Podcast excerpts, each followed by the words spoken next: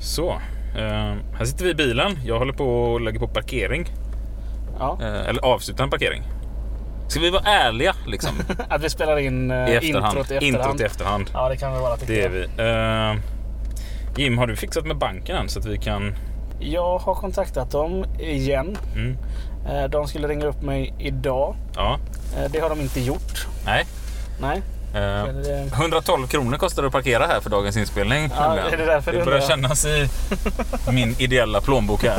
Eh, så fick jag bjuda på lunch här med 480 kronor. Eh, Det var ju snällt. eh, ja, Men då bjöd du hörde jag här nu. men det känns ganska lite för i, eh, idag har vi pratat med Max Gustafsson. Ja. serietecknaren och satirtecknaren. Och han ställde upp eh, trots att jag vet att folk drar i honom överallt och folk vill gärna att han ska teckna gratis och sådär och tänker att ja, men vi vill ha en teckning till våran, kan du ställa upp? eh?" Och det, det är inte lätt tror jag att försörja sig när eh, man är i våran rörelse heller också sådär, gör mycket och inte vill kanske ta ett gig för där får inte jag köra. Nej, hörde jag. Eh, sådär. Ja, och då tänker jag så här, vi, vi har ju bjudit på lunch till honom i alla fall. Det fick han. Ja, det var snällt. Möjligt. Och det är väl en sån grej sen när vi eh, har tänkt ta emot lite bidrag från er lyssnare som vill vara med och bidra eller bli medlem i vår förening. Och så här, att då kommer de pengarna kanske gå till att man bjuder en gäst på lunch när vi spelar Ja, när de ställer upp ideellt. Definitivt. När de ställer upp ideellt. Inte de som talar om här, jag ska ha förlorad förtjänst ett arvode på 45 000 kronor. De, eh, de, de, kommer vi ju bjuda ofta. Nej, det kommer vi inte göra. Det, de faller faktiskt bort ganska ordentligt. Ehm, ja. För, för er lyssnare som känner så här, åh, är det ett bilavsnitt? Ja, just nu är det det. ja, det är ett bilintro då. Ja, eh, ett bilintro. Och nu så, vi får lägga på någon sån här fanfar eller något. För min bil är besiktad. Den eh, har inga fel på sig. Fanfar. Den har ett litet för kort torkarblad, det har den. Ehm, Ja, Men annars, det får vi nog leva med det här korta torkarbladet. så ni kan nu förvänta er i alla fall 14 månader till av bilavsnitt. Eh, Det har varit efterfrågat. Många vill ha tillbaka bilavsnitten. Eh, Nej, men det, det är väl det vi ska, vi ska prata lite idag med Max om allt mellan himmel och jord här. Och han har varit på Sveriges Radio flera dagar i sträck här. eh, Och sådär. Så jag vet att han har varit väldigt fullbokad. Men han har faktiskt tagit sig tiden och prioriterat podden, vilket känns otroligt Ja, det roligt. känns jätteroligt verkligen. Ehm, Ja. Ja, nu sitter jag och pratar som att vi ska träffa. Vi har precis spelat in här och det blev svinbra. Eh, och ni ska få lyssna på det nu. Eh, det var också så att vi åt lunch med han efteråt och pratade om ännu mer saker och känner att oj, vi skulle kunna bjuda in Max till tio avsnitt till och bara diskutera filosofi, samhälle, allt möjligt, socialpsykologi och grejer. Och ja, vem vet, vi kanske försöker stjäla Max fler gånger här. Ja, det var verkligen ett uppskattat samtal för oss tyckte jag. Ja, vi kommer att prata lite om eh, Max nya bok som vi ska länka till så att man kan eh, köpa den boken om man vill det. Eller ge bort den till någon. Eller köpa en och dela runt i kompisgänget och sådär. Men även så att vi ska få två stycken böcker skickade till oss. Ja, Som vi har tänkt eh, lotta ut. Den ena har vi tänkt ha själva. ja vi har tänkt Lite egoistiskt. Men den andra ska vi lotta ut. Hur, hur går den utlottningen till? Vad ska vi hitta på? Det, det får vi nästan bestämma sen. Det när vi gör ett vi inlägg. sen. Ja. Ja. Exakt. Eh, Det kommer ske på sociala medier i alla Vi fall. kanske kommer glömma av det och så hör ni detta och skriver till oss sex månader efteråt och undrar vad fan. Ni håller aldrig vad ni lovar och det, så kanske det är. Så kan Vi är lite tankespridda ibland. så ska det inte vara. Utan nu ska vi lotta ut en bok. ja, vi försöker hinna med allt det här på mellan arbetstiderna och grejer Ja, och, och sådär kvällar och alla uppdrag man har runt omkring. Eh, Så ring och fortsätt att påminna oss. Ni har påmint oss om affischen i alla fall och det har varit fantastiskt bra för att eh, nu har vi fått in lite bilder på arbetsplatser där man har satt upp affischen och det, då pirrar det lite i min mage och så känner man så här, fy fan vad roligt och spännande. Man börjar fatta att podden på något sätt är på riktigt och det är väldigt många som följer och lyssnar och man börjar få meddelanden och helt plötsligt är det folk som letar upp ens privata adresser och skickar tackmeddelanden och sånt där och det är fantastiskt roligt. Eh, Så jättemycket kärlek till er lyssnare. Absolut. det lät nästan som en melodifestivaltal eller någonting. Men eh, på riktigt, jättemycket kärlek till er som skriver. Ehm, mm, vad, vad, vi ska prata konsumtion idag. Ja. Vad är, vad är din syn på konsumtion, Jim? Sitter du helt tyst och vet inte vad du ska svara? Det var Nej, det- en väldigt bred fråga i ett Ja, det var intro en liksom. väldigt bred fråga. Vi ska väl inte överkonsumera i alla fall. Så Nej. kan vi, säga. vi behöver konsumera hållbart.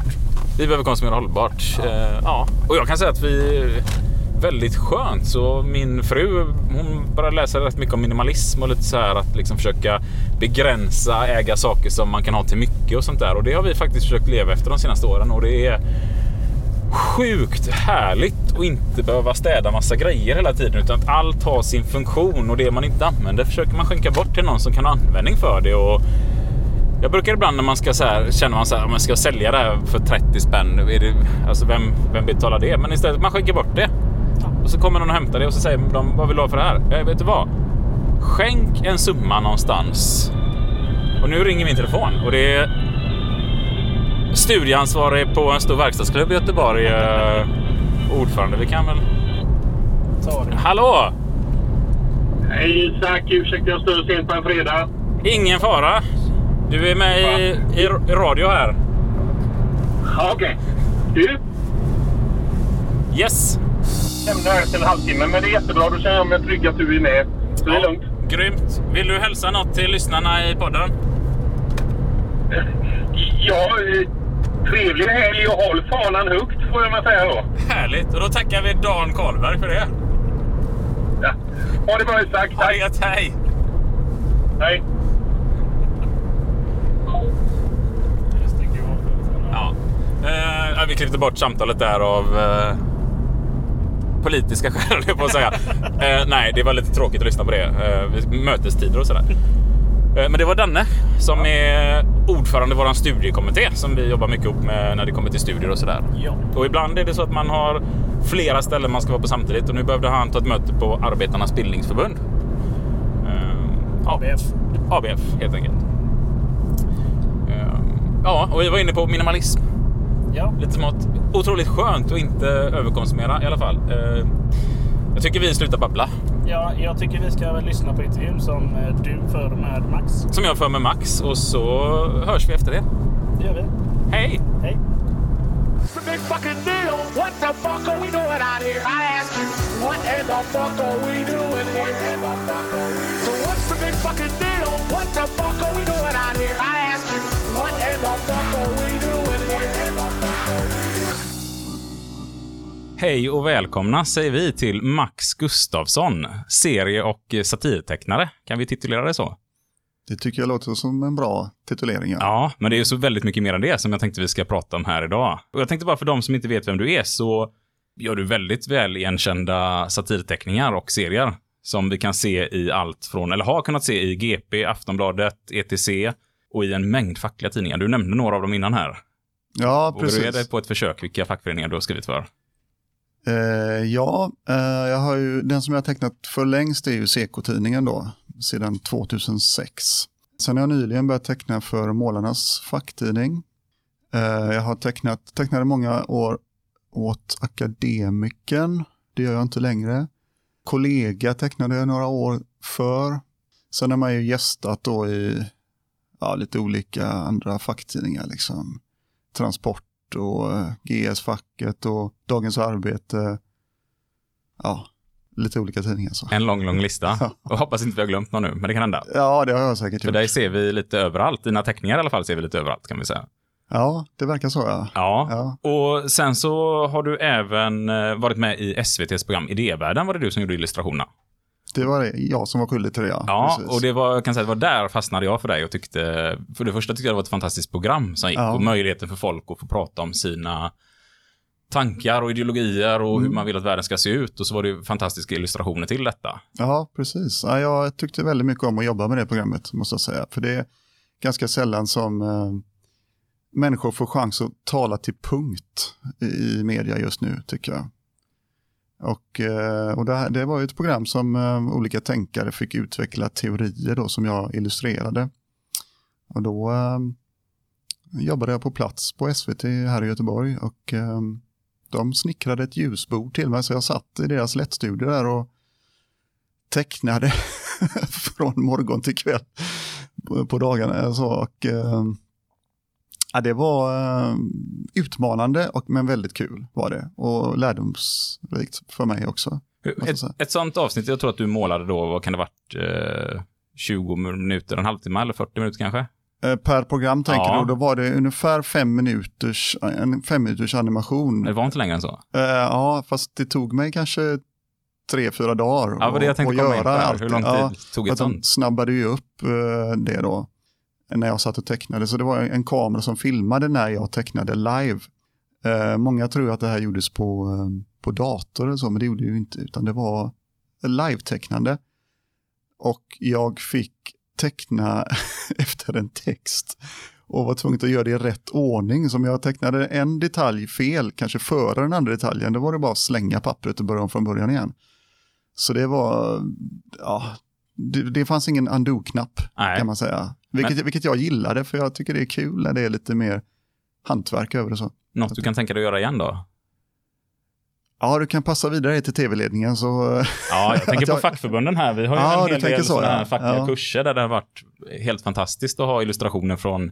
Ja, Det är fått, faktiskt något vi har diskuterat vid ja, vad kul. Ja. Jag har fått en del förfrågningar om att göra liknande grejer, men vad människor oftast inte förstår är att det krävs väldigt stora resurser eh, i form av, form av redigerare och sådär eh, som SVT sitter på. För det är ingen lätt grej, liksom. Teckna det och sen klippa ihop det så det synkar perfekt med en röst och så. Men det kanske ni har då? jag vet Det tror jag inte vi har i dagsläget, men vi kanske får skaffa det om vi vill att Ja. arbetarrörelsen ska utvecklas lite och sådär. Låter Och bra. jag har stulit jättemycket inspiration från det här programmet i Idévärlden när vi har tänkt intervjuer till den här podden, att man just ska kunna prata om eh, sin tanke, sin bild, sin, sin världsbild Ja. eller hur man vill att världen ska ta vägen. Precis. Eh, och få göra det precis som du säger, utan att bli störd och få massa saker kastat i ansiktet på en mitt i, som vi ofta ser i de politiska debatterna. Ja, Så det tänkte jag, det ska vi komma tillbaka till lite sen här. För det Mm. är tanken med dig då, att du ska få prata lite fritt om dina, ditt arbete, dina visioner och hur du ser visst. på olika frågor här. Ja. Ehm, vi vill också nämna att du eh, fick ta emot eh, priset, EVK-priset till minne av Evert Karlsson också i samarbete med Dagens Arbete. mm. Och eh, för tre, fyra år sedan ungefär så har du börjat göra väldigt mycket offentlig konst. Och vi har ju vid Korsvägen i Göteborg en helt fantastisk målning som du har gjort eh, som är, oj hur stor är den? Den är flera, flera meter lång. 25 gånger 4 meter. 25 gånger 4 meter. Ja. Mm. Och den har Ja. väckt lite känslor. Eh, ja, den har ju väckt känslor där den ska väcka känslor. eh, bland eh, rabiata högermänniskor då kan man säga, eller rasister snarare sagt. Eh, jo då, jag, jag har eh, en bakgrund som, som eh, målare kan man säga. Mm, alltså jag var ute en del med sprayböcker så på 90-talet. Eh, men serieintresset tog över. Så det, det, jag, det slutade alltid med att jag satt hemma och tecknade mina serier. För det var liksom roligare, det var, det var snabbare, ett snabbare sätt att bara få uttrycka sig. Liksom. Ta en penna och ett papper bara. Så. Det fanns en social bit i det också, det var att träffa vänner och vara ute liksom, vid väggarna och, eh, och måla och så. Och jag har hittat tillbaka till den lite grann på sistone. Jag har utvecklat eh, mitt tecknande till att bli mer på canvas också och sådär. Och, eh, men även då offentliga väggar. Eh, så det är som en konstnärlig resa som aldrig tar stopp kan man säga. Eh, men vad jag tycker är kul med det är att det blir ett nytt uttryck att ta satiren till offentliga väggar. För där ser man ju mest street art och eh, graffiti och sådär. Ja, det är sällan man ser, alltså i Sverige i alla fall, så är det sällan man ser kanske viktiga politiska budskap eller eh, Ja. liknande i graffitin när man går och ser liksom graffitin i någon tunnel någonstans. Eh, Däremot så runt omkring i världen finns det ju, Ja, ganska mycket. Det är väl kanske mest streetarten då som eh, har lite mer politiska budskap och så. Men då är det oftast mer, ehm, det kanske inte är pratbubblor och sådär som jag använder mig av. Jag, jag, jag kommer ju från en serietradition som man heller inte ser sådär jättemycket. Det finns ju givetvis influenser i, i graffitivärlden också från serier. Det finns många influenser, men just den satiren som jag använder mig av, det är nog lite ny, nyskapande, tänker jag, att göra på väggar. Så när kom liksom dina, vad ska man säga, ditt samhällsengagemang, när kom det in i målandet för dig? Alltså jag har ju alltid varit intresserad av politik och det har jag fått hemifrån. Eh, det är ju mina föräldrar som eh, var ja, starkt politiskt engagerade i FNL-rörelse och, och sådär. Och sen så hade jag en fallenhet för, för att vilja teckna när jag var barn och jag älskade att läsa serier helt enkelt. Och jag älskade humor, sjuk humor. Och på något sätt så det blev ju en cocktail eh, av de intressena som kom till uttryck med politiska serier till slut. När jag började teckna serier, när jag började publicera, och det här är 24 år sedan, det var 97 som jag publicerade för första gången. Då var det, vi, vi talade om offentliga väggar förut, om att inte, man inte ser så mycket politiskt på offentliga väggar. Motsvarande var faktiskt i serievärlden då, måste jag säga. För att jag, jag själv hade, jag längtade efter lite mer politiska uttryck i serievärlden då. Det var ganska mycket stereotyper och, och så, vilket jag kan tycka är kul. Alltså jag ska inte, jag ska inte vara en sån här PK-människa. Så jag, men jag, jag tycker allt är kul, men, men jag kände att det fanns ett, eh, ett tomrum att fylla på 90-talet eh, med mer politisk, eh, politiska serier. Så jag började, först började jag teckna åt en eh, ungdomstidning eh, här i Göteborg. Och då var det ju inte, så jag har ju inte alltid gjort renodlat politiskt, utan jag har ju gjort liksom sjuk humor och sådär också. Och det gjorde jag då. Och det var en lite längre serie, så två sidors serie då som gick i en ungdomstidning här i Göteborg som låg på olika eh, gymnasier och bibliotek och sådär. Ska man säga. Den var inspirerad av det vardagliga livet då. Den var mer realistisk än vad kanske många andra tecknare gjorde. Det var inte liksom, jag har ju aldrig varit så jätteintresserad av fantasy och sånt där. Eh, I alla fall inte i mitt tecknande. Utan jag är mer intresserad av vad som försiggår omkring mig och det var jag redan då, då som 18-19-åring. Sen startade eh, Stockholms Fria Tidning och det var, jag ska säga så att jag ljuger där, år 2000 tror jag detta var. Och då var jag, hade jag med en serie från första numret där och fortsatte teckna kanske ett halvår, år eller sånt där. Ett år tror jag, eh, för den tidningen. Så där fick jag en bra plattform och det, det, det sammanföll ganska bra med att jag eh, kände att jag hittade en bra form för strippserier som var politiska. Så jag hade en serie som hette Tompa.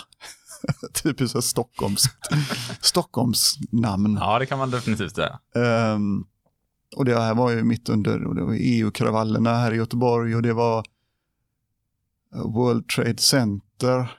Ja, där, kan, där har jag en annan anekdot förresten, jag kan jag dra den då.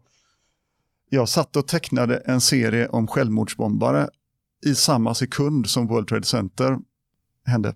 Det är nästan lite spoken. Ja, det är lite så. Jag satt och tecknade en serie om eh, självmordsbombare i Gaza. Och min seriefigur spekulerar över vad, vad är det som driver en självmordsbombare och sådär.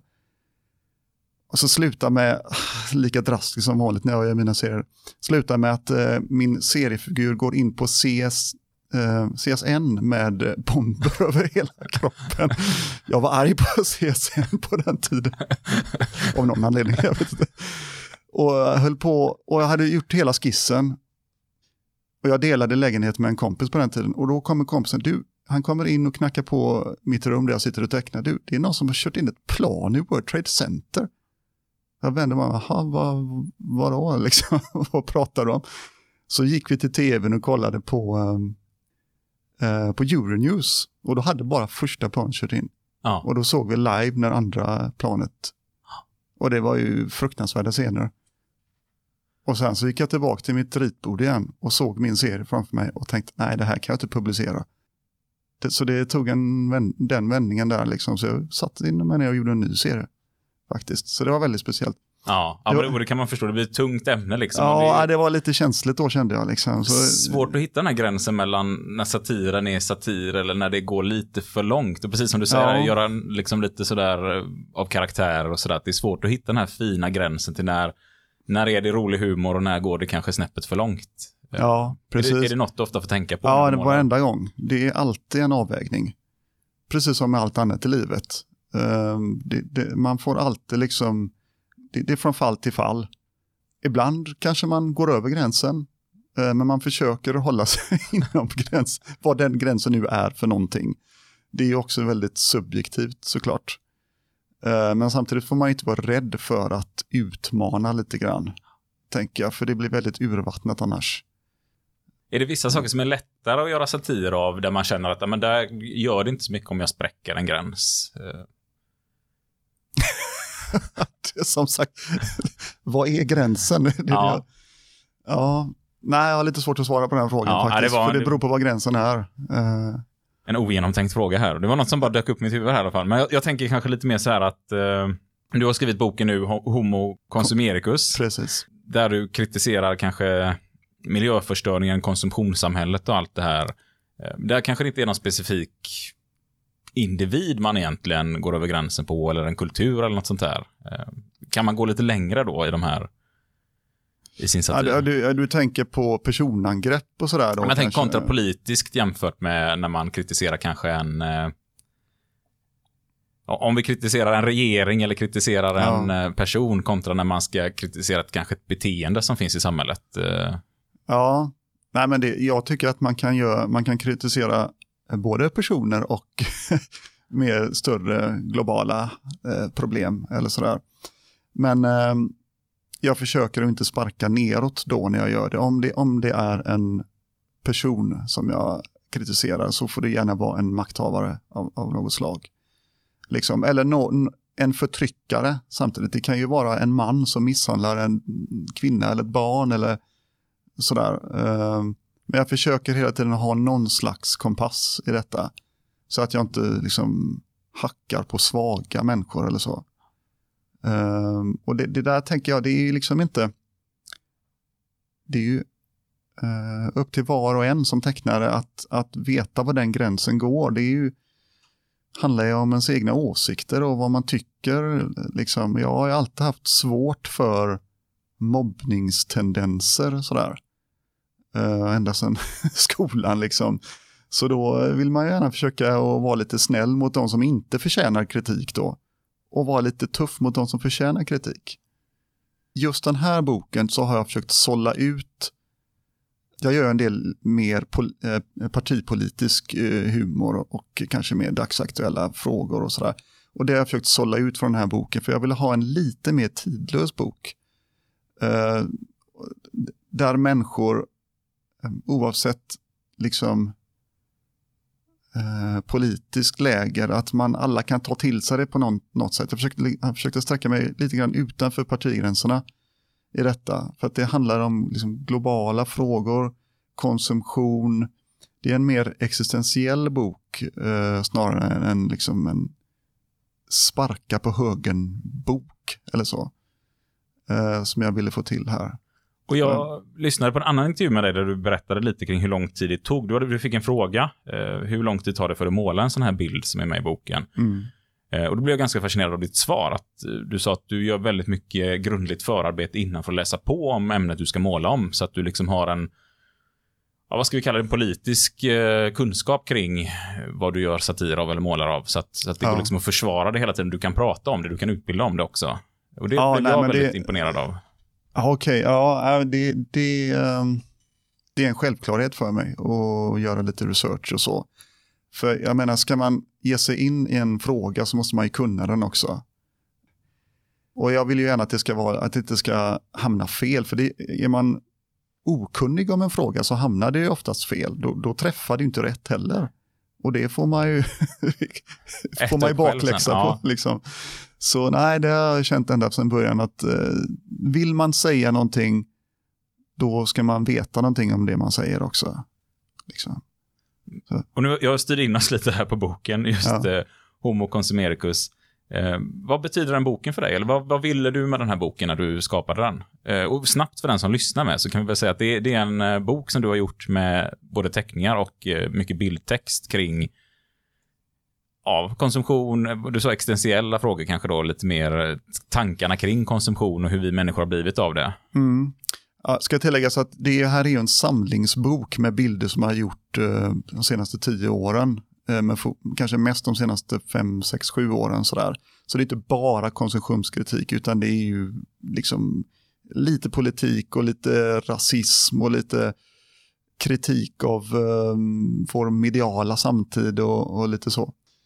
Alltså själva inramningen på boken är ändå liksom eh, konsumtionskritisk. Och det, det grundar sig i att jag hade en utställning för två år sedan i Helsingborg på Dunkers kulturhus som hette Homo Consumericus. där jag fick gå loss på ett helt rum med installationer. Jag slängde sopor över hela golvet och jag eh, gjorde en jättestor målning på en vägg där eh, en rad människor ber till marknaden. De ber till en börstavla. Och så hade jag eh, affirmationer, om ni vet vad det betyder. Det är liksom ungefär som meditation eller mantran som ska rabblas om och om igen för att liksom hjärntvätta sig själv att tro på någonting. Då. Det finns ju sådana här självhjälps ljudfiler man kan lyssna på dem. Och då hade jag sådana affirmationer som intalade själv att eh, konstant att men du förtjänar att vara ekonomiskt oberoende, alla andra är bara avundsjuka som vill ta dina pengar, eh, skit i miljö, skit i människor, din egen lycka är det viktigaste. Ja. Ett ljudspår på åtta minuter som går om och om igen så att man blir liksom sjuk i huvudet när man är inne på den utställningen. Eh, jag var väldigt nöjd med den utställningen och eh, kände efteråt att eh, boken borde få samma titel som utställningen. Och även framsidan, eh, det är samma bild i princip som den jag målade på väggen. Eh, en slags nästan frireligiös tro på att marknaden alltid eh, ställer allting till rätta. Då. Nästan en scientologkänsla över det vill jag ha. Liksom. Ehm, Ja. och det har du verkligen fått till, tycker jag. tack så mycket. Eh, Och boken ska vi säga här att den har vi införskaffat till podden här och kommer lotta ut ett exemplar till någon av er som lyssnar. Eller bara någon som råkar komma över länken och dela den och vinna boken fast de inte lyssnar på podden. Det får vi se, men det kommer inte vi lägga någon värdering i. Mm. Utan eh, vi köper en av de här böckerna och ska lotta ut här, så vet ni om det ni som lyssnar. Så då får ni följa på sociala medier och kolla. Och eh, där är det ju specifikt kul att följa dig på sociala medier tycker jag. För att det kommer ut en hel del roliga bilder, eh, både från dina böcker och lite sådär. eh, Och kommentarsfält och det skrivs kommentarer och det är väldigt kul att följa dig på sociala medier. Hur, Kul att höra. hur mycket jobbar du aktivt själv via sociala medier eller är det bara att det finns där? Ja, det är ju någon slags hatkärlek egentligen. E- Egentligen tycker jag inte om det. men det är liksom, men det, ja, det är väl bra samtidigt också som tecknare och kunna, kunna få ut sina grejer snabbt också. Framförallt när det handlar om dagsaktuella frågor och så. Eh, som blir svårt när man ska skicka det till en tidning och de publicerar det en månad senare och så är det passé så att säga. Så det, på, på så sätt är det ju ganska bra. Men jag känner ibland, det kan bli lite för mycket också med hela mediebruset och om jag skriver en mening och får några hundra kommentarer på det, liksom, man vill ju inte bli Donald Trump, om du förstår. man vill gärna försöka hitta lite balans i det då. Liksom. Så nu har jag faktiskt gjort ganska många bilder som jag inte har lagt ut, den finns bara på min telefon. Jag är så trött på att människor har åsikter hela tiden. Jag måste hitta tillbaka till 15-åringen som bara gillar, gillar att sitta och rita på, sitt, på sin vrå och liksom skratta lite själv åt det. Eh, men det kommer. Jag lägger väl ut dem någon gång. När jag är mindre stressad. Och vi kommer att länka i alla fall till dina sociala medier med, så man kan gå in och följa Max Ja. Gustafsson där. Eh, Men jag tänker vi hoppar tillbaka till boken här. Eh, Vad vill du att läsaren ska känna när man läser den här boken? Ja, vad vill jag? Uff, jag har inte tänkt på det. Ehm, men jag, jag tänker väl att människor kan känna att de får lite stöd. Eh, ehm, och att de kan skratta med mig åt all galenskap i världen. För det är väl lite den funktionen som satiren har. Att man, man på något sätt som läsare, om man har gått och tänkt på en viss fråga och tycker någonting är väldigt galet, och man ser någon göra en, en skämtsam bild om det, då hjälper den att hitta rätt tänk tankemässigt. Nu låter det som jag är någon slags propagandaminister. här, man slipper men, känna sig eh, galen kanske. Ja, är det men bara lite jag som så. tänker på Ja, det? här? li- lite man- så. Ja. Ja, men precis. Det är terapi. Det är i alla fall terapi för mig och jag hoppas att det kan funka hyfsat terapeutiskt för den som läser också. Och att det, inte förvärrar deras depressioner. Liksom. Ja, för det är också en hårfin gräns, men man målar upp att nu Ja. går allt åt helvete och Ja, vi kan faktiskt vet. göra någonting åt det. Ja, Jag tänker på det rätt ofta. Att, jag menar, det är rätt mörka scenarion jag målar upp ibland i mina bilder. Men, men att jag har försökt att balansera upp det med lite positiva bilder i, i boken också. eh, faktiskt. Men det, det, jag har nog en ganska mörk syn på världen. Eh, mörk vissa dagar och väldigt ljus andra dagar. Så att, eh, men det är väl det. Jag, jag tänker mig, vissa människor skriver dagbok, jag tecknar bilder. Ja, och andra har dragit igång en podcast. Så att det, vi alla Ja. har vi våra terapier kanske här. Precis. Eh, Mm. Och försöka nå ut och liksom, eh, ja. Och jag, jag känner ju verkligen när man tittar på dina seriestrippar att man, ja, men man känner igen liksom saker i samhället och tankar man själv har och det ger, som du säger, ger, för mig är det lite terapi att man känner att men jag är inte ensam med de här tankarna. Det är vi många som ändå tänker på det här sättet. Ja, vad kul och, att höra. Ja. Eh, och det blir också bra ämnen. Jag tycker att överlag så pratas det alldeles för lite ute på arbetsplatserna om filosofi, samhället, så saker som utvecklar oss människor. Det Mm. pratas väldigt mycket mer om vad som gick på tv igår eller Ja. på någon streamingtjänst och ganska hjärndöda serier kanske. Det är Ja. helt okej att kolla på det ibland. Ibland behöver man vara lite hjärndöd, men när hela det offentliga samtalet Mm. och samtalet på arbetsplatser handlar om de här sakerna så Ja. tappar vi ju våran utveckling. Och här tycker jag dina seriestrippar följer, en otrolig funktion. Att man kan liksom i facktidningen på arbetsplatsen lägga fram, kolla på den här bilden och så kan man skratta lite så kan man Mm. diskutera att egentligen är det här ganska sjukt. Eh, Jag tänker på det nya spelet som du är med och skapar här, Springvikarien. Just det, ja. Eh, Jag har bara fått se lite sådana här bilder, för just nu är det ett startup-projekt eller sådär va? Ja, något Kickstarter-projekt där som ska pågå i två veckor till. Ja. ja. Så det får vi snabbt komma ut med en länk till här. Det kommer ut Ja, innan avsnittet släpps här, så Ja. man kan gå in och stötta det här projektet med. Och när man ser de bilderna, liksom att man, man skrattar åt det här spelet som egentligen handlar om gigjobb, eh, som vi har pratat om lite i podden här. Eh, Men det blir också ett samtalsämne att ja, det är så här sjukt det faktiskt är på sina ställen. Ja, vi har ju fått tillbaka eh, daglönare i Sverige. Det är ju liksom hundra års kamp eh, från arbetarrörelsen som har raserats med, ja, det börjar ju med bemanningsföretagen och sådär, men nu när de här gigjobben har kommit, jag, jag tänker på cykelbud och sms-anställda och folk som får, får jobb från dag till dag och måste sitta med sin mobiltelefon 24 timmar om dygnet och vara beredd att svara ja så fort de får en fråga om de kan ta ett jobb. Och gör de inte, väntar de en minut för länge så får de inte jobbet. Jag tror att många kanske medelklass, eh, medelålders eh, människor inte fattar att det är så en stor del av arbetsmarknaden ser ut för unga numera. Och det här spelet, jag har ju spelat det själv några gånger, det har inte tryckts upp än. Utan vi vill ju försöka få ut det, vi vill att så många som möjligt ska beställa det så att, de, så att vi kan få ut eh, många spel. Men när man spelar det i alla fall så får man en väldigt stark förnimmelse av hur det är att, att vara gigarbetare. För det går ut på att man ska klara av att betala hyran samtidigt som man inte ska bränna ut sig. Eh, och det visar sig efter ett tag att det är en ganska omöjlig ekvation. Eh, så att man blir desperat, man blir nästan arg, man blir frustrerad när man spelar spelet och skrattar samtidigt, ska, vi, ska tilläggas. Eh, så man kan inte undvika att eh, ställa sig frågor när man spelar. Hur kan det vara så här sjukt? Så att jag tänker att det är en väldigt bra plattform för en diskussion.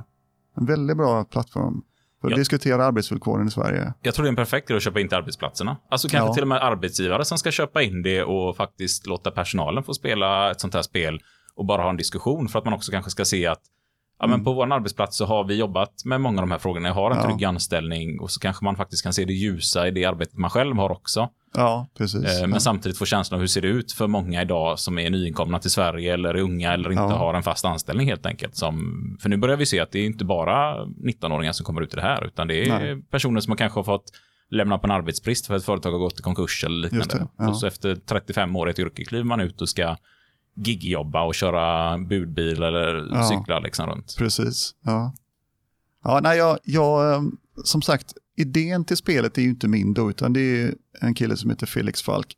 Eh, Och när han kontaktade mig så hade han nästan skräddarsytt eh, idén för mina bilder, vilket ju kändes väldigt hedrande. Eh, Och jag hade nog inte riktigt förstått hur genialt spelet verkligen är förrän jag själv spelade det. Alltså jag tänker ett brädspel, vilket som helst tänkte jag liksom. Med, med liksom en, ett, eh, en bra twist. men, eh, men det är så himla bra för att man, man identifierar sig verkligen med en gigarbetare när man spelar det. Eh, vilket ju ger en annan insikt än om man bara pratar om frågorna. Eh, I något slags utifrån perspektiv. Liksom. Så Kanske ett- jag kan verkligen rekommendera att beställa ett spel. Kanske ett framtida monopol. För det var ju egentligen starten med spelet Ja. Monopol handlar ju också om hur Ja. bostadsmarknaden fungerar och har du Ja. mycket pengar så kan du köpa upp allt och sen ta ut hyra Ja. från alla andra. Ja, jag vet inte, jag tror kanske att Monopol, det fick ju motsatt effekt. Det plötsligt blir ju alla det. kapitalister när de spelar istället. och, och där blir man ju, där finns det ju en väldigt bra spelmekanik i själva i Monopol. man, man kan i alla fall känna sig lite skadeglad när man vinner. Men på spring, i springvillkoret går det inte att vinna. Det, det finns ingen spelare som kan vinna, man blir bara frustrerad. Så är man dålig förlorare kanske man ska hålla sig från det här spelet då. Ja, det ska man verkligen göra. Eh, Men perfekt, jag tycker vi kommer att dela till den här så jag hoppas verkligen att folk går in och tittar på den här eh, kickstarten och eh, kanske Mm. beställer sig ett spel. Visst. Eller till familjen eller sådär. Eh, en annan rolig grej här när vi ändå är inne på det här. Eh, boken Homo Consumericus, jag tyckte det var så kul att du pratade om det, att här gör du reklam för att man ska konsumera en bok Ja, visst. som handlar om konsumtion. Eh, Frågan får jag varenda gång. Ja. ja, nej men det är alltså, eh, jag är ju, jag är en del av det här monetära systemet jag också. Jag behöver också ställa mat på bordet till mina barn liksom. Och det är inte så ofta jag släpper böcker. Och jag tänker att böcker har ett väldigt bra andrahandsvärde också. Man kan faktiskt köpa boken och, och eh, ge bort den om man vill det. Låna ut den liksom. Och jag tänker att det handlar ju inte om att man ska sluta konsumera helt, utan det handlar om att konsumera som om vi hade ett jordklot, liksom, snarare än fyra jordklot. Och eh, jag tänker inte pracka på människor 50 böcker om året via Amazon, utan liksom, här har du en bok, ta eh, ditt eget beslut om du vill köpa den eller inte. Liksom. Du kör inte den här kampanjen, köp två, betala för en och sådär, utan det är... Nu gav du mig en idé där. Ja. Men jag tror att det är där man ofta fastnar i det här när man hör om miljöfrågor, när man hör om eh, konsumtion och folk pratar lite negativt mot som det ser ut idag, så är det många som får upp bilden, "Jaha, ska man aldrig köpa någonting? Ska man aldrig få köra en bil? Liksom. Och det är Jag blir så inte- trött på det här svartvita tänket hela tiden. Det, det är ju inte det det handlar om liksom. Men det handlar inte om antingen så bor man naken i en grotta och äter blåbär hela dagarna. Eller så lever man som eh, miljardär och liksom flyger två gånger om dagen och äger en egen ö. Det, är ju liksom, det finns ett mellanting. Det, det går att hålla två bollar i luften samtidigt. Försök med det. Liksom. det vi, kan, vi kan dra ner på eh, vårt eh, flygande, vi kan dra ner på eh, vår, vårt slit och släng eh, eh, liv lite grann. Vi, jag menar, försök att kanske låna lite prylar av varandra. Det blir väldigt mycket mer socialt också, till exempel. Eh, försök kanske att köpa lite kläder som varar lite längre, om möjligt. Eh, kanske dra ner lite på kött och, och lite sånt. Eh, det finns ju ingen som kräver att man ska liksom lägga ner sitt liv bara för att rädda- rädda planeten. Utan man måste ju trots allt leva också. Och jag tänker det här ämnet kommer vi fortsätta på ett avsnitt sen, för vi kommer prata lite om eh, påverkan och vad det är som egentligen får oss att bli påverkade i våra beslut. Eh, kommer vi ett avsnitt om här lite längre fram, där vi Mm. kommer säkert gå tillbaka en hel del till den här intervjun med dig. Ja. Om vad är det som gör, och det är väl kanske den här konsumtionen man vill få bort, den här när man, man åker till en affär för att köpa eh, en kopp som har gått sönder och så går man ur affären med en kopp och tre lakan och en lampa och sen Mm. cykel. Ja. Eh, Det kanske är den konsumtionen som är ett problem, att man köper grejer för att man Precis. tror att man behöver det för stunden. Överkonsumtionen är ju problemet. Det är ju liksom konsumera för konsumerandets skull, inte för av behovsskäl. Liksom. Det är väl där problemet. Och, och sen, så, sen är det klart, vad är behov? det skapas ju behov hela tiden. Um, Finns, bara kolla på sin egen mobiltelefon som, som dör efter två år i princip och så måste man köpa en ny. Där, har vi ju, där är det ju något slags inbyggt fel i systemet. och det har det ju gått en del eh, program om på tv, bland annat, eh, nu minns jag inte om det var Uppdrag granskning eller vad det är, något av de här eh, dokument utifrån var det säkert, med inbyggda planerat åldrande i Planerat åldern. Ja, just det. Mm. Framförallt var det ju en stor om skrivare, där man egentligen har programmerat in ett chip i de flesta Ja, vanliga det. dataskrivare, att efter 10 000 utskrifter så bara slutar den funka. Så Ja. det bara byta ut det här chippet så funkar den i... Ja, det är fullkomligt vansinne. Det är ju liksom, och det, det där är som vulgär kapitalism i mina ögon. Att man ser bara till kvartalsrapporten och eh, man ska kränga så mycket produkter som möjligt. och planerar inte samhället på något sätt. Det finns ingen, finns ingen liksom tanke på hur samhället ska, hur vi ska ha det i framtiden om 50 år. Liksom, utan nu, nu har vi det här företaget och nu ska vi gå med vinst och det gäller att liksom prångla ut så mycket produkter som möjligt här. Eh, det tänket måste ju bort bara. Vi, vi måste ju liksom börja tänka, tänka lite mer på hur vi vill leva på den här planeten.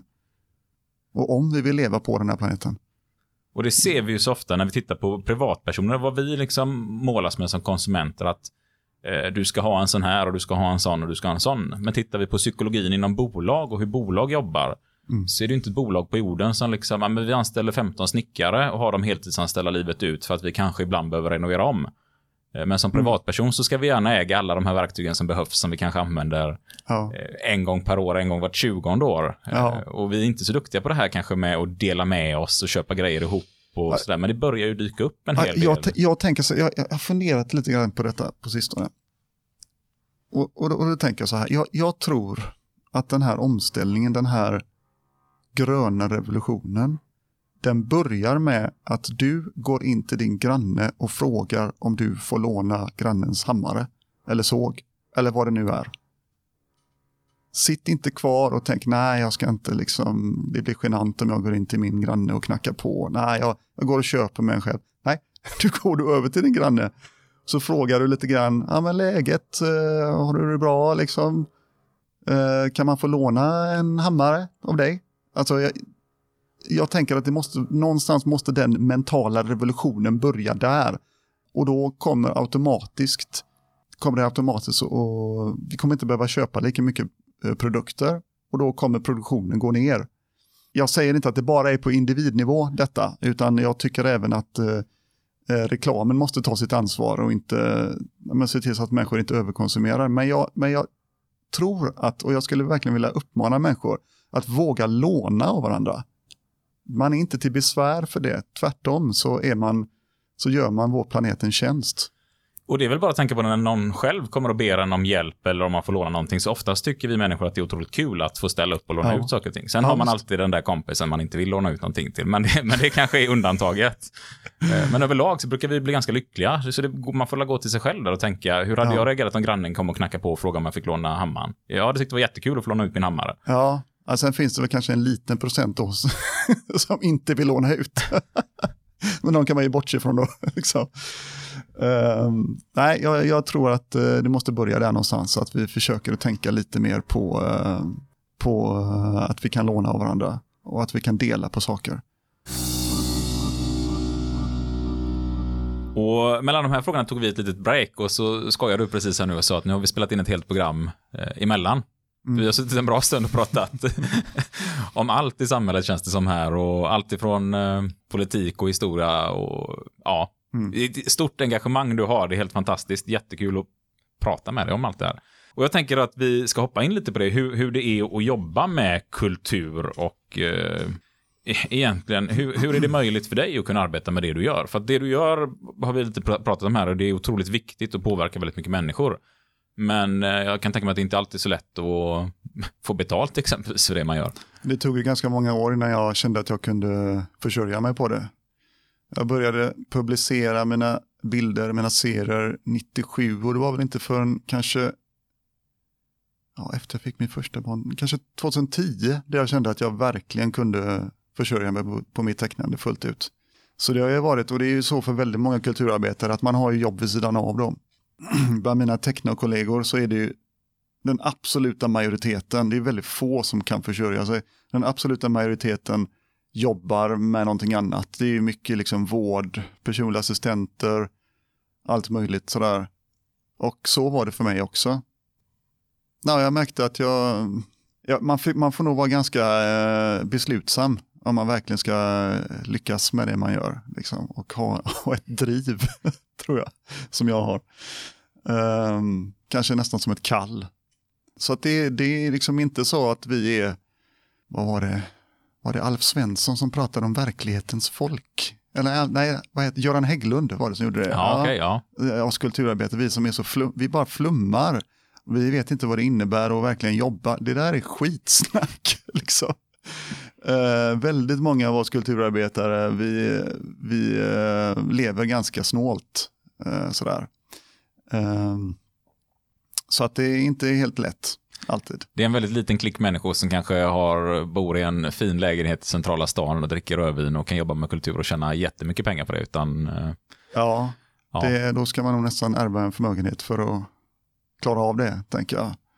Ehm, men jag har, jag har fått hanka mig fram och det har väl gått successivt då att man, man börjar teckna för lite olika tidningar och man fick ju börja teckna gratis och så i början. Och, uh, och sen så fick man in något jobb lite då och då och så har man kanske börjat man jobba.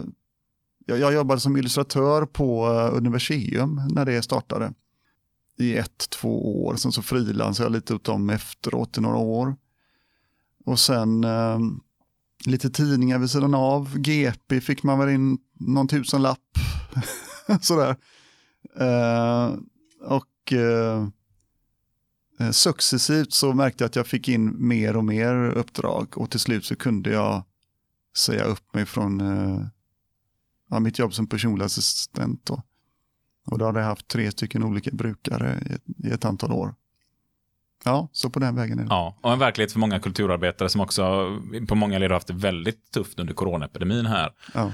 Och då blir det liksom en, en politisk diskussion kanske om vilket stöd kan man göra för de som jobbar med kulturen. Och jag pratade lite själv om det när vi satt här i, i mellansnacket här, som inte lyssnarna har fått höra att eh, för mig fanns det inte så mycket kultur under min uppväxt. Jag hade inga sådana intressen och det var inte så stort, utan jag har fått lära mig lite kultur och sådär i äldre dagar. Sen min mor försökte tvinga på mig lite, men jag, det, det gick inte hem där. Jag var nog mer färgad av min pappa, eh, berättade jag här för dig innan. Eh, men, men idag har jag ju liksom sett hur mycket kulturen faktiskt utvecklar våra tänkande. Och man pratar inte så mycket om de här sakerna på arbetsplatsen överallt, men när vi väl får in kulturen så gör det att vi börjar fundera, vi börjar tänka på saker och ting. Och är det någonting vi ska ha i samhället så kanske det är någonting man behöver kolla på Du, du sa att du lyssnade på hiphop när du var yngre. Ja, när jag var väldigt mycket yngre, Det ja. var ju kultur. Ja. Då, då var du intresserad av kultur då. Ja, det var jag ju faktiskt. Och det, och det är ganska intressant att du säger det, att du verkar inte tro att du konsumerar ku- kultur, för du har en bestämd uppfattning om vad kultur är.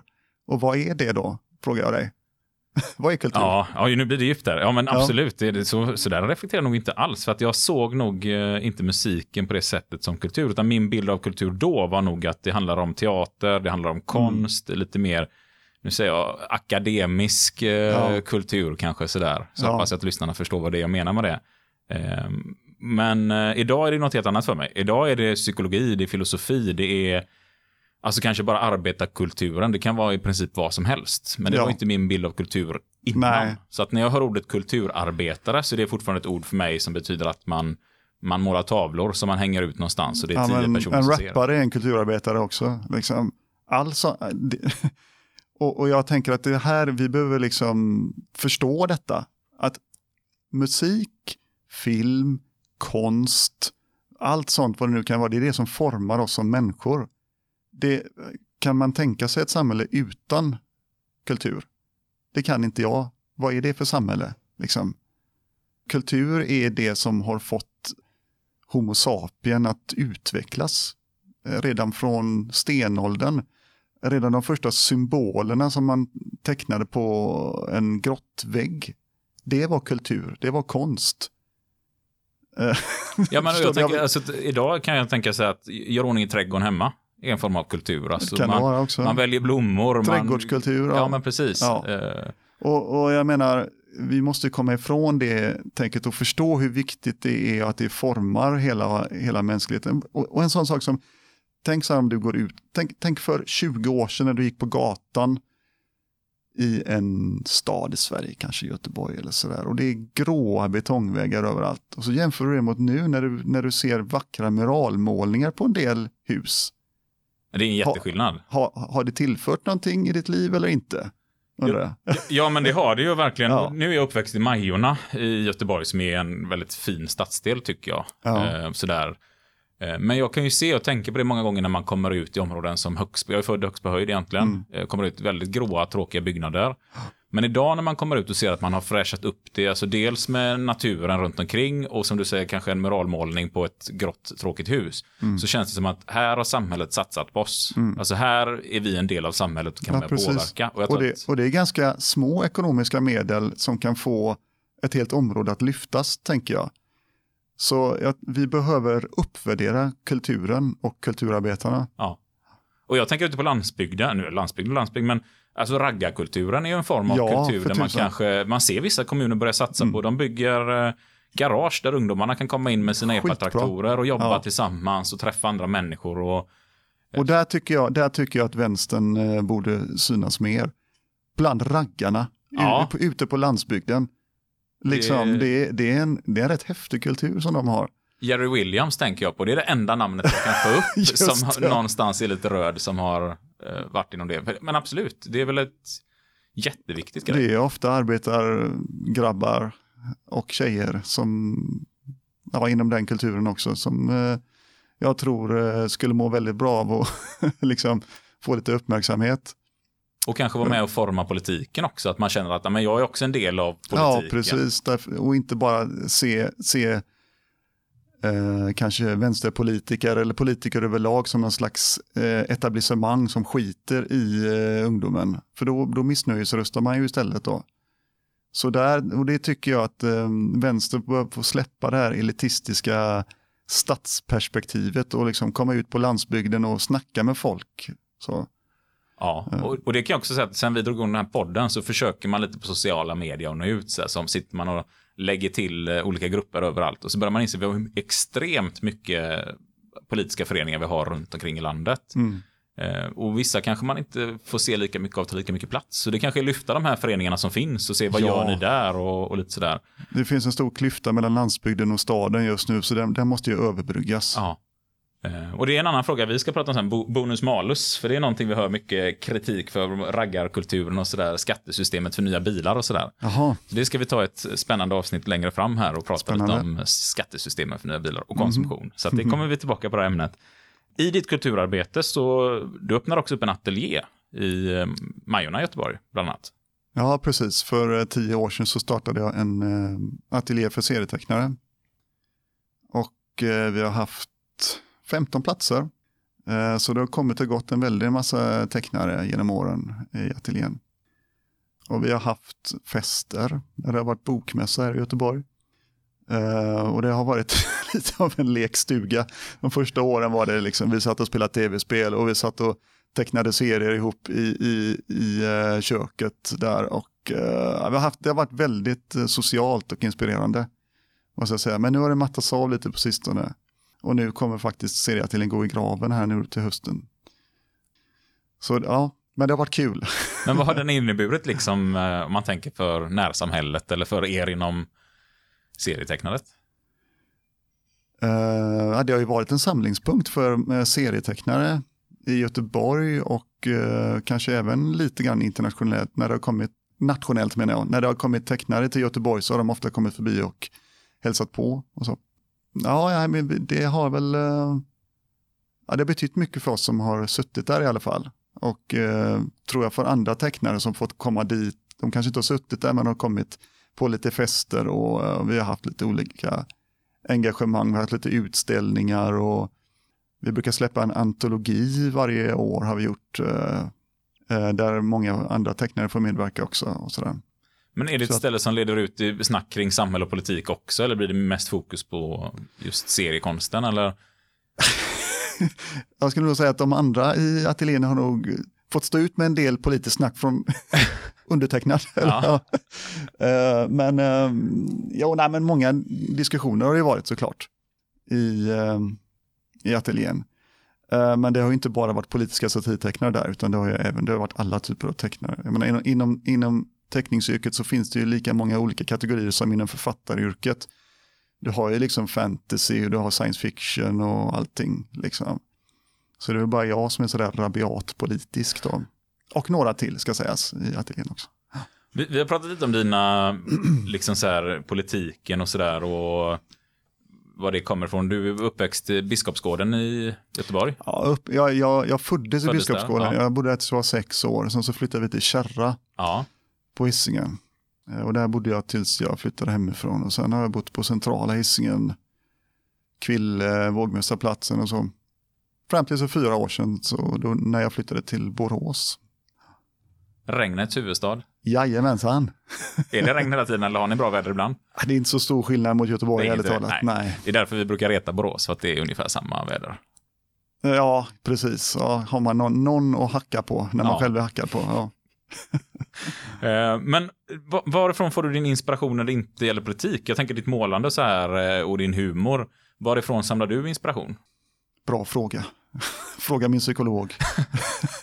Nej, alltså det, det kommer ju från att man hänger med i diskussionen i samhället. Det kommer ju att man är intresserad av frågor. Man lyssnar på radio, man läser tidningar, man läser böcker. Man är intresserad av människor. Intresserad av vad som Alltså so- socialpsykologi, den typen av frågor, allting intresserar. Jag är nyfiken generellt.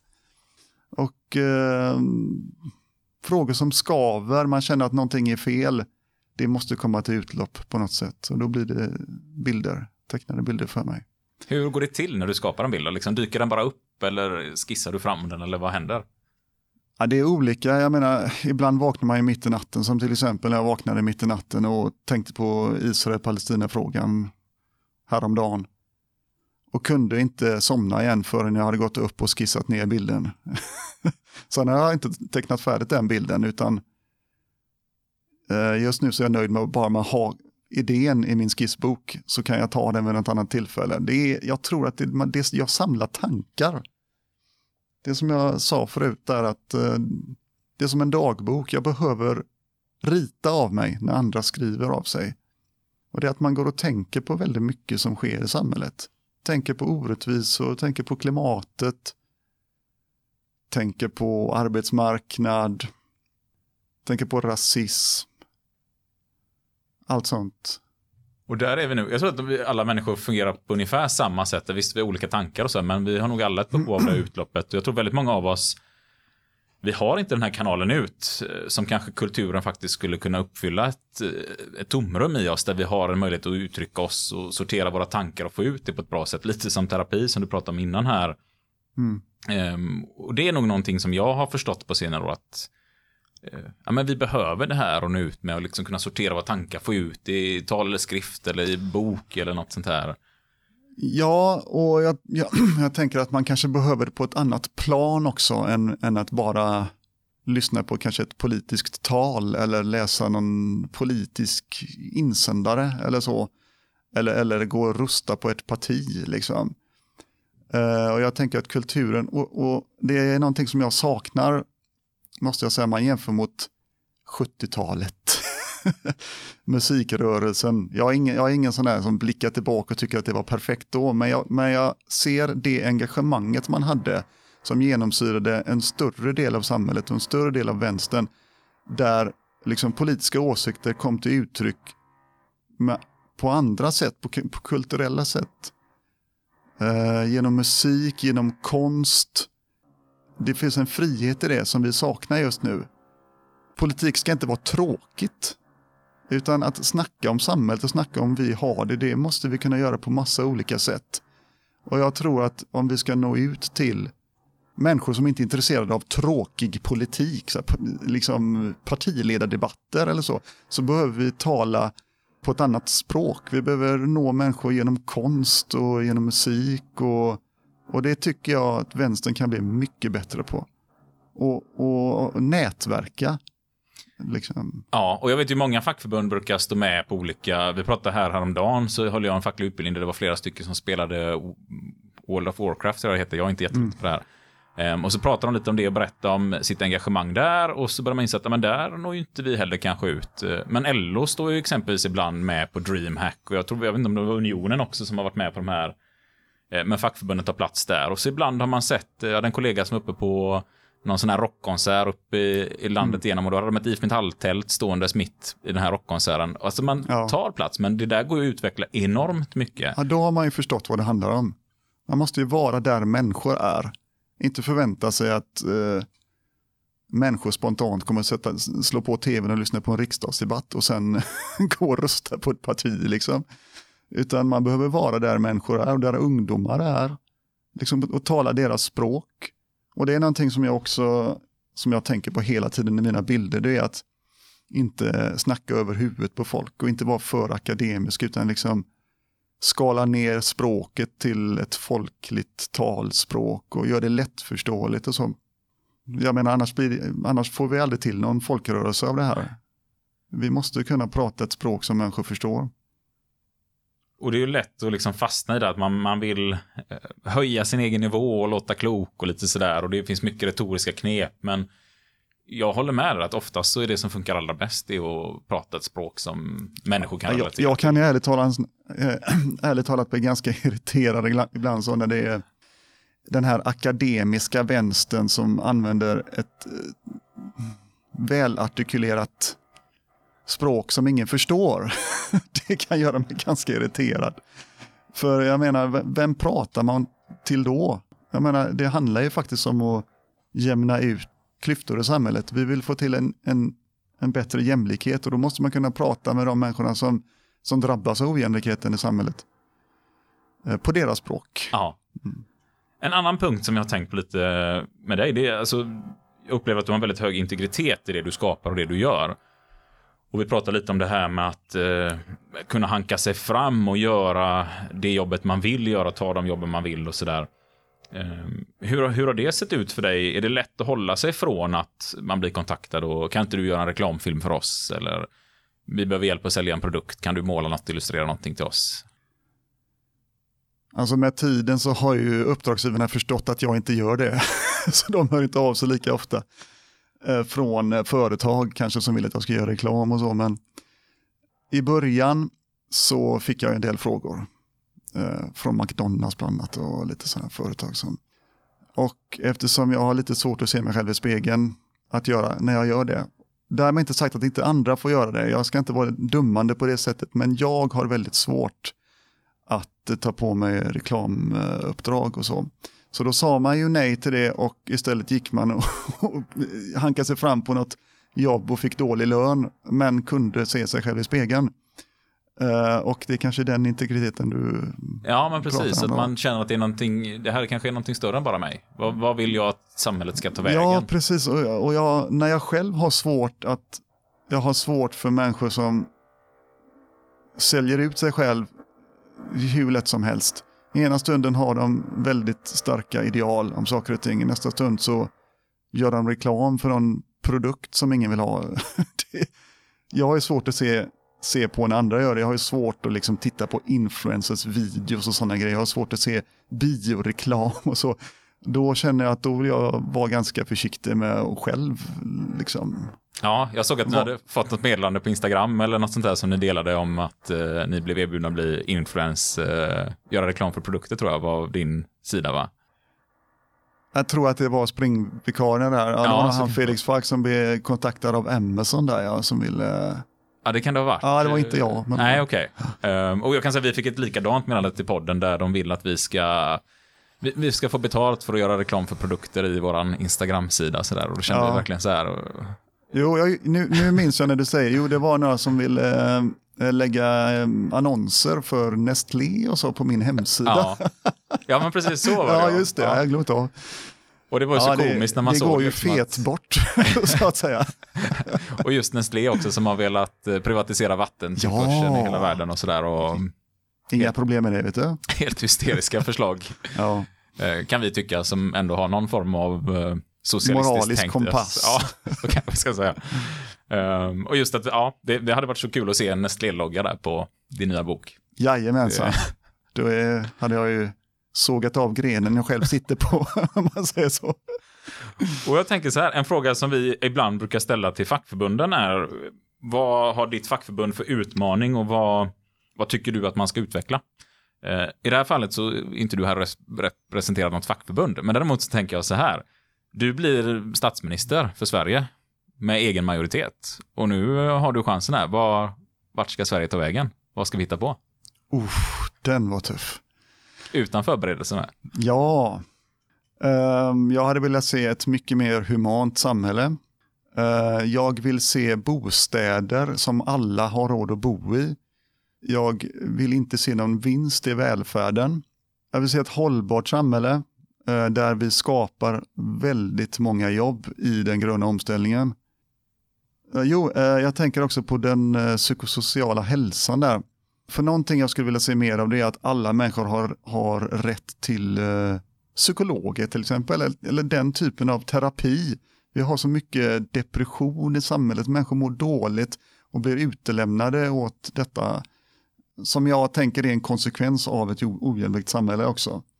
Att vi, ett, ett omhändertagande samhälle vill jag se framför mig. Det är det jag ser framför mig. Att vi jobbar lite mindre, har lite mer fritid. Som jag, vi snackade om förut, är att vi kanske lånar lite mer saker av varandra, att det blir mer socialt. Ett mer socialt hållbart samhälle, vill jag säga. Lite mer kollektivism, fast ändå Ja, med den här tryggheten. mycket i, mer. Ja, Ja, precis. Social hållbarhet tycker jag är ett fint uttryck. Där har vi hittat ett bra ord. Jajamän. Och jag tänker också på det här med du som kulturarbetare och det engagemanget du har haft och integriteten att inte ta på dig att göra reklam. Där tycker jag man ser ett sånt där extremt starkt tecken på att eh, om du hade haft en medborgarlön, hade du gjort detta ändå? Jag hade gjort detta oavsett vad. Jag kan inte sluta teckna. Jag kunde inte ens teckna, sluta teckna på lektionerna när jag gick i mellanstadiet. så att min lärare fick eh, tejpa fast ett papper på, min, på mitt bänklock så att jag minst skulle kunna hålla mig innanför pappret. Så att eh, ingen kommer kunna stoppa mig från att teckna. Jag kommer att dö med, med, med pennan i handen. Härligt. Och jag tänkte med Jajamän. de här orden att vi skulle ta och tacka dig så hemskt mycket för att du ställde upp och kom hit och var med och prata. Mm, Och eh, vi ser med spänning fram mot eh, Springvikarien-spelet, Mm. eh, din nya bok och eh, kommande böcker och serier. Vi fick se en liten skiss här på vad Seko-tidningen kanske ska få med i ett nummer snart här. Eh, Så den ser vi också fram emot att se det färdiga resultatet sen. Så att Ja, ni lyssnare som eh, får hem Sekos tidning kan väl eh, skicka en litet foto på tidningen sen eh, så vi kan få se hur det blev. Tycker jag låter som en rolig grej. Det låter som en bra idé. Ja. Tusen tack för att du ville komma hit. Tack själv. Tack. Ja, nu har vi eh, lyssnat på Max. Det hade vi gjort innan när vi spelade in Ja, introt auto. Och ja, ja, nu blir det så snurrigt igen. Eh, Det är inte lätt för lyssnarna att hänga med i den här podden. Men vi gör det inte lätt för dem i alla fall. Jag Det tror att de inte. hänger med ändå. De gör nog det. De är klokare än vad vi eh, är. Ja, förmodligen. Än vad vi tror, tänkte jag säga. Men det, så är det inte. De är klokare än oss, helt enkelt. Eh, nej, men jag tycker det var jättebra intervju och lite som vi sa innan, vi kommer kunna ha mycket kontakt med Max, är helt övertygad om. Jag hoppas även det ska komma, vi får skicka med en sån till SVT. Dra igång med idévärlden igen. Ja, det ska vi verkligen Och låt Max eh, sköta tecknandet, för det gjorde han så sjukt bra. Jag tyckte det var... Har vi någon lyssnare från SVT tror du? Vi Det vet jag att vi har, men faktiskt. Vet du det? Ja. ja, men då så. Ja, det har vi ju. Ja. Just det, känner jag. Så... Ja, då skickar vi det. Ja, Dra igång Dra idén igång det. Sen så, så vet jag att ni som jag vet lyssnar på oss från SVT, ni sitter inte alls eh, kanske på de ställena i SVT. Men skit i det. Bara sparka in rätt dörr. Gapa, skrik. Eh, eh, eller gör inte det kanske. Lägg ett trevligt mejl. Eh, det, det tror vi leder längre va? Ja, det gör det nog. Oftast gör det ju det. Eh, men konsumtion, jag tycker det är jätte, jätteviktigt att prata om det. Och, ja, men vi kommer att ha ett avsnitt här om ledarskapsskolan som handlar väldigt mycket om det här. Vad är det som påverkar oss? Vad är det som får oss att ta beslut? Och det läggs ju otroligt mycket pengar på forskning till eh, vad, hur ska vi få sålt mer produkter? Hur ska vi skapa ett behov? Eh, hur får vi folk att råka nej, men få impulsen att jag impulsköper det här, jag tänker inte efter. Det läggs otroligt mycket forskning på detta och jag tror att många gånger är enda sättet att kunna stå emot det här att man faktiskt lär sig om hur funkar vi? Varför är det så här? För att går vi tillbaka till det, vi var jägare och samlare. Vi skapade för att vara ute, vi gick kanske långa sträckor, vi försökte hitta mat och andra intressanta grejer. Och givetvis eh, gick vi där och liksom shit vad fan är det här liksom? En eh, batteridriven motorsåg. Fan, den hade jag ju verkligen behövt här i grottan liksom. Fan, trall för 29 kronor löpmetern liksom. Det, det hade ju varit världens grej att hitta som eh, jägare och samlare, eller hur? Ja, det låter ju väldigt praktiskt eh, om man har pengar då, i alla fall. Ja, men på den tiden var det man hittade. Och idag, ja men det finns ju kvar det. Så att när vi ser de här grejerna, det är klart att man får känslan, usch, den skulle man vilja ha. Eh, lite så, nu är det inte så genus att säga det, men de här gubbdagisarna som man brukar kalla de här butikerna som säljer lite allt möjligt i teknik och sådär. Ja, precis. Jag tror att det är många kvinnor som tycker det är precis lika spännande att gå om och titta. Åh, en sån behöver jag, en sån behöver man. Eh, och det är stora möbelaffärer som har levt lite på det att man går dit och så bara köpa en gardin. Kliver därifrån ut med en ny soffa och lite kablar och lite glödlampor som är bra att ha och lite batterier och sådär. Eh, alltså, vad är det som triggar igång det här? Så det tänker jag att vi ska prata om för det blir ju en del av den här överkonsumtionen, den skadliga konsumtionen som gör att man kanske ibland känner att men ska jag behöva dåligt samvete för att jag faktiskt behöver handla någonting? Absolut inte. Men vi kanske behöver få bort den här totalt onödiga konsumtionen där man liksom bara kastar bort sin lön på skit. Så det tänkte jag att det, det är någonting vi får ta ett eh, avsnitt om som handlar lite mer om detta och kanske också handlar om ekonomin och hur det funkar att placera pengar och hur det kan generera mer pengar. Men det här är inte ett avsnitt nu va? Nej, jag vet inte. Vi- men Vi är fria själar som tänker fritt nu, tänker Ja, jag. precis. Eh, Det kommer att bli mer på det här ämnet. Det har väckt mycket tankar. Vi vill verkligen tacka Max att vi... Ja, ett eh, stort tack till Max. Alltså, det var jättekul att ha honom. Ja. Eh, ja, ska vi avsluta dagens podd så här? Det tycker jag vi gör. Och, och ljudet glömde vi nämna. Det lät kanske lite borrande i bakgrunden. Ja, det vet vi inte riktigt än va? Nej. Vi får höra sen eh, när de gjorde om fasaden där vi satt. Ja. Eh, Det var ju lite dumt. Det visste inte vi och det visste inte när vi bokade upp lokalen vi skulle sitta här inne i stan att eh, de skulle renovera fasaden samtidigt. Men vi tror att det blir bra ändå. Vi klipper väl in någonting i början nu också så ni vet det redan innan också. Så nu hör ni detta två gånger och tycker att det är helt onödigt att vi inte har klippt bort detta. Ja, det Ehm, tycka. Samtidigt håller jag på och skjutsar hem Jim här nu. Det är fredag väldigt sent på kvällen. Ehm, och försöker hitta hans dörr och där borta har vi den. Så det blir väl alldeles lagom att vi avslutat samtalet här och så får du gå upp till dig och vad ska du göra i helgen? Jag ska åka ut till vårt sommarställe och bygga tak. Och då är den här sågen väldigt praktisk som vi pratade Ja, om. här. precis. Ja. Ja, Tack för idag. tack för idag. Ha det gött. Big fucking deal. What the fuck are we doing out here? I ask you, what in the fuck are we doing here? So what's the big fucking deal? What the fuck are we doing out here? I ask you, what in the fuck are we doing here? Så vi hör om det låter. Ja, du var ju den första människan som uppfann Golfströmmen. Uppfann Golfströmmen ja. Ja. Jag är Elektriker. Gud. Elektriker. Tillbaka till Jim. Tack. Hur mycket låter det i burr i bakgrunden? Vi vet inte, vi får prova nu när vi stänger av inspelningen.